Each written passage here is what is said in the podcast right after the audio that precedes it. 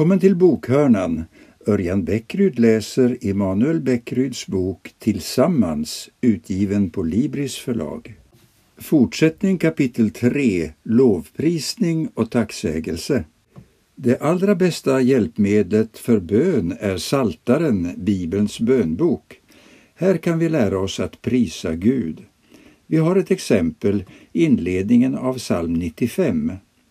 Kom, låt oss jubla till Herrens ära och hylla vår klippa, vår räddning.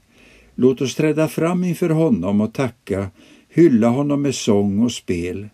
Ty en stor Gud är Herren, en stor konung över alla gudar. I hans hand är jorden djup och bergens toppar är hans. Hans är havet som han har gjort och fasta landet som hans händer format. Kom, låt oss falla ner och tillbe, knäböja inför Herren vår skapare, ty han är vår Gud och vi hans folk, fåren i hans jord. Hur ser en fri lovprisning ut som inspireras av denna psalm? Kanske så här. Gud, det är fantastiskt att vi får vara inför dig. Vi är här för att tacka och hylla dig. Du är störst, du är viktigast. Det finns ingen annan som du. Du har skapat allting och du tar vård om allting. Tack Gud att vi får tillhöra dig. Träna dig i att lovprisa och tacka Gud och ta gärna hjälp av Bibelns ord eller låt dig inspireras av Bibeln till att finna egna ord. Vi har nu sett på några former som vår lovprisning kan ha kroppsspråk, sång och musik, fri bön. Vi ska nu titta närmare på lovprisningens varför. Vad är poängen med att prisa Gud? Varför gör vi det? Svaret innehåller flera aspekter. I lovprisningen säger vi som det är. Gud är allting skapare och Herre. Han är frälsaren, han är hjälparen, han är Fader, Son och helig Ande. I en människocentrerad värld lyfter vi fram den treenige guden och ställer honom i centrum för vår tillbedjan. När vi lovprisar konstaterar vi att Gud är viktigast av allt. Vi säger helt enkelt som det är. Det finns alltså en proklamation i lovprisningen, en slags verklighetsterapi där vi erkänner att vi själva inte är universums centrum. Vi bekänner att Jesus Kristus är universums medelpunkt, den kring vilken allt kretsar.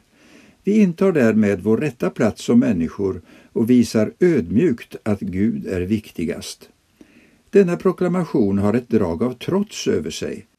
Trots att människan i allmänhet har ställt sig själv i centrum ställer vi Gud, skaparen, i centrum. Trots att det finns ledare i världen som gör anspråk på att ha stor makt tillber vi ändå Jesus Kristus. Trots att vår tids människor söker tillfredsställelse i allt möjligt söker vi släcka vår törst endast i Andens källa. Detta heliga trots är inte ett intelligensbefriat mantra utan en medveten sanning som renar vårt sinne från den indoktrinering som omvärlden utsätter oss för. I och genom lovprisningen nyktrar vi till. Vi påminns om tillvarons djupaste grund, om honom som inte bara skapat världen utan även utgett sig själv för att rädda sin fallna skapelse. I lovprisningen får vi möjlighet att spontant uttrycka oss inför Gud. Nu har vi kommit till lovprisningens personliga sida. När vi tillber kan vi släppa fram Gudsbarnets spontanitet inför Gud, Fadern. Om den förra punkten handlade om den objektiva sidan, att säga som det är, handlar denna om den subjektiva sidan, att personligen få känna Guds beröring. Båda är lika viktiga. Utan lovprisningens objektiva sida skulle våra erfarenheter av Gud vara tomma.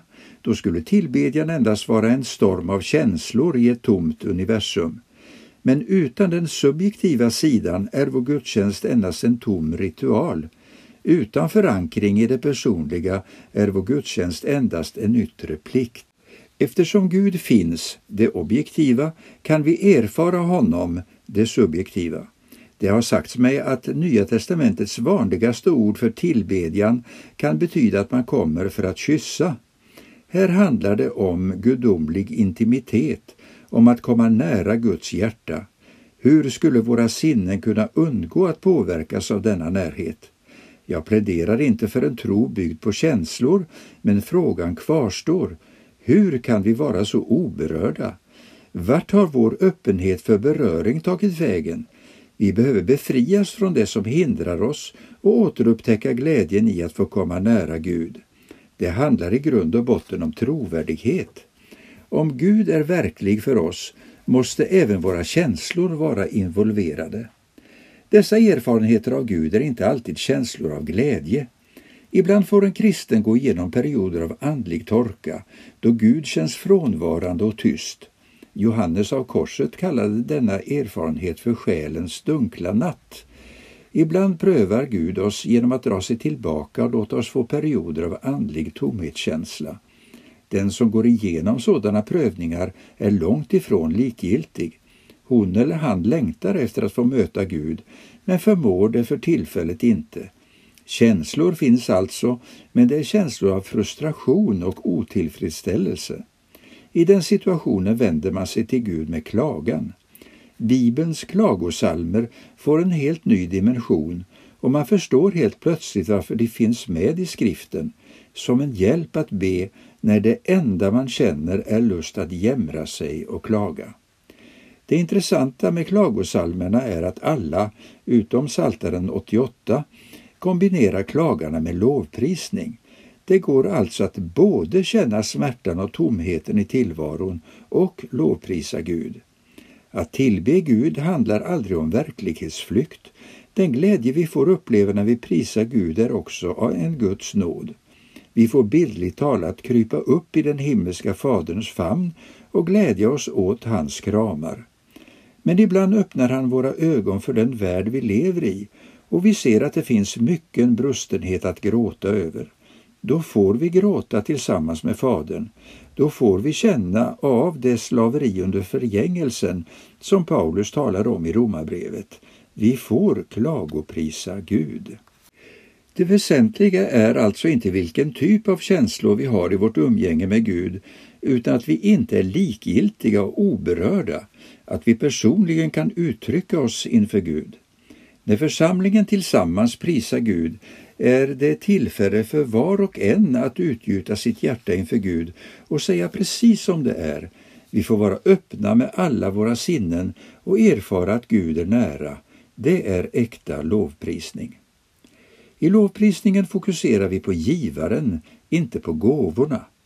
När vi lovprisar ber vi inte om en massa saker utan fokuserar på Gud. Vi tackar honom för vem han är och vad han gör.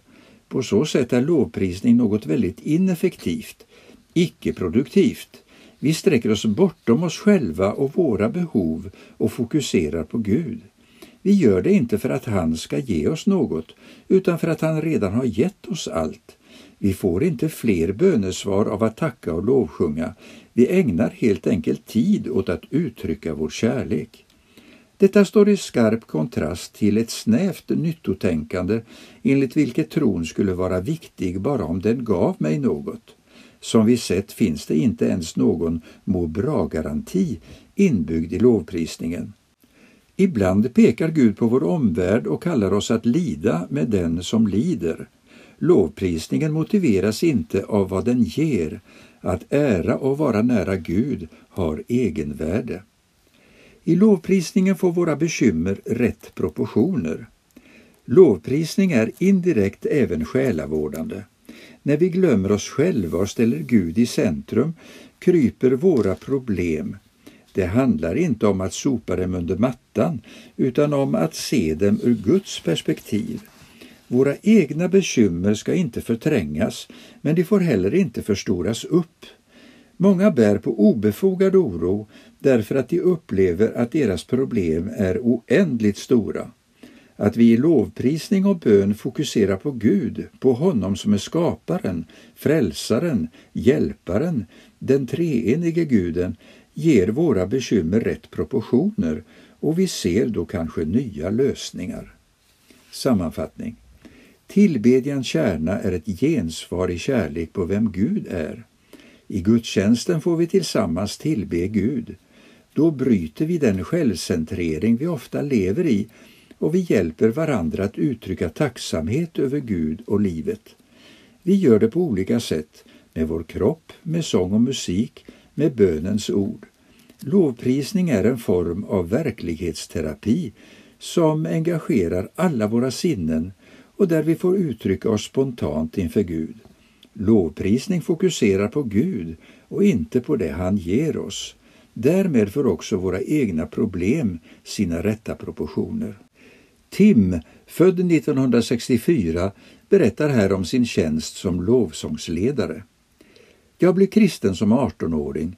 Några månader senare deltog jag i en påskkonferens anordnad av Teen Challenge Sverige, där det sjöngs mycket lovsång. Jag blev fascinerad av enkelheten i musiken och den innerlighet som fanns. Jag visste omedelbart att detta var något jag ville syssla med. Sedan dess har jag alltid blivit indragen i lovsång i alla sammanhang jag varit med i. I Halmstad, där jag bodde tidigare, hade jag huvudansvaret för lovsången i församlingen. Idag leder jag lovsången på Ryttargårdskyrkans alfakurser. Jag tycker mest om sånger som handlar om hur Gud är. Jag tycker mindre om sånger som handlar om oss, till exempel om hur mycket vi älskar Gud, vilket vi oftast inte gör så där jättemycket, eller om hur glada vi är över att vara kristna, vilket vi inte så ofta är. Däremot fullkomligt går jag i gasen på texter typ Stor är vår Gud. Allra bäst är sånger med texter som anknyter till första kapitlen i Uppenbarelseboken där vi får höra om varelserna som ständigt tillber, om keruberna som ropar helig, helig, helig och så vidare.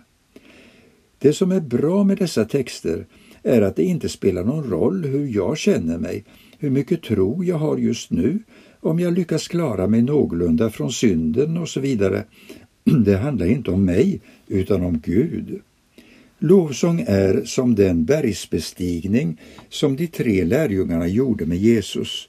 Det var Jesus som blev förvandlad på berget, inte lärjungarna. De fick se honom förhärligad, inte tvärtom. Känslorna är på ett sätt helt betydelselösa i lovsången. Jag tror att jag har känt mer än de flesta i lovsång, men många gånger känner jag inget alls. Känslor är bedrägliga och har hela tiden en tendens att bli ett självändamål. Men visst, ofta kommer Gud nära och då upplever jag en värme, en egendomlig närvaro. Men det viktiga med lovsång är att vi slutar se oss själva i naveln. Istället ser vi på Gud. Det mesta blir bra när vi tänker mer på Gud än på oss själva. Efter detta kapitel följer några frågor för samtal och reflektion. Första frågan. Vad anser du om påståendet att vår kropp är viktig när vi lovprisar Gud? Vilka praktiska konsekvenser får det? Andra frågan. Hur tar vi vara på lovprisningens objektiva del, lovprisning som verklighetsterapi, utan att den bara blir en tom ritual? Vad kan vi göra för att undvika att lovsången blir ytlig, en känslomässig kick? Tredje frågan. Har du någon gång försökt prisa och tacka Gud samtidigt som du mått dåligt? Vilka erfarenheter gav det dig?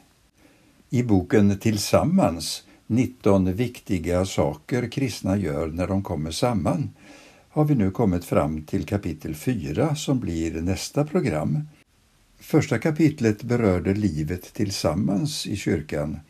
Den andra kapitlet gällde predikan och det tredje lovprisning och tacksägelse. Välkommen till nästa program som kommer att gälla ämnet förbön. Också det en viktig del utav gudstjänstfirandet.